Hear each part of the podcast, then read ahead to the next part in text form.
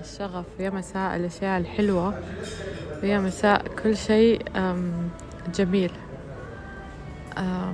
سبحان الله قاعدة أسمع شيء في بودكاست بيتكلم عن كيف لما تحلل الموقف أو الشيء وجهة نظر مختلفة. أم، آه، وكيف لما تفهمه وكيف مفهومك الإيجابي أو تفسيرك المحايد حتى ممكن ما يكون إيجابي ممكن يغير كثير من نفسيتك كثير من أشياء كثيرة. ضرب مثال على فيديو لطائفتين. آه، فيديو هذا جابه من آه، نيوز يعني من الأخبار. ووروا الطائفة ال- الأولى let's say A.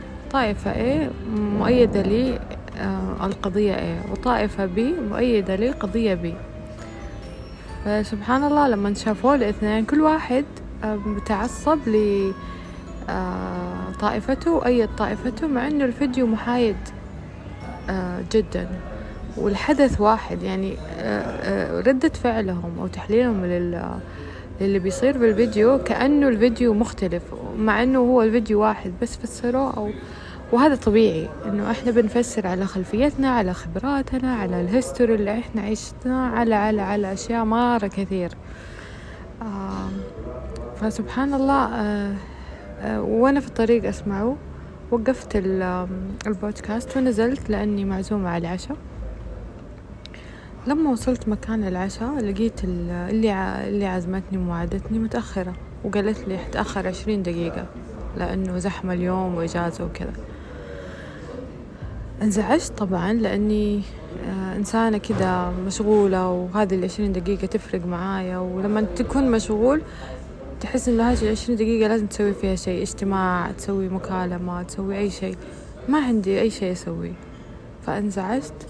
آه، بديت أمشي وأدور المكان. وصلت المكان ما عجبني. فغيرت المكان. واستأذنتها قبل ما أغير المكان. بعدين كلمتني قالت لي في عالقة في الزحمة واحتمال تتأخر عشرين دقيقة كمان. فصارت يعني ساعة إلا شيء إلا دقايق هي متأخرة علي. ف... فقلت خليني أحلل الموضوع بشكل محايد. إنه صار اللي صار ما حقدر أغيره حقعد معصبة و... وأعصب عليها وأعصب على نفسي وأغير مودي في الخرجة اللي المفروض تكون فلة. فقلت ليه ما أطالع لها في وجهة نظر تانية؟ ففكرت إني أكلم كل الناس اللي أنا مقصرة معاهم وأوصل للرحمي وأكلم أهلي وأصدقائي اللي من زمان عنهم فسويتها. كمية الحب اللي جاتني في في المكالمات هذه آه، ما أوصف لكم. ناس من زمان ناس أبغى أشوفهم وناس ما كلمتهم من زمان. ناس آه، فرحوني بأخبار حلوة ناس فرحوني بكلام حلو. فطالعوا في المواضيع بحيادية لو مرة واحدة لأنه أنت اللي بتتنرفز وأنت اللي بتستهلك وأنت اللي بتستنزف مشاعرك وأنت اللي بيومك بيخرب لما مو أحد تاني مو عشان أحد تاني ولا عشان هم ما يستاهلوا إنه إحنا نسامح أو ما يستاهلوا فرصة وهم ما يستاهلوا هم الغلطانين وا. هذه الأفكار اللي تجيك لما تكون معصب. لا.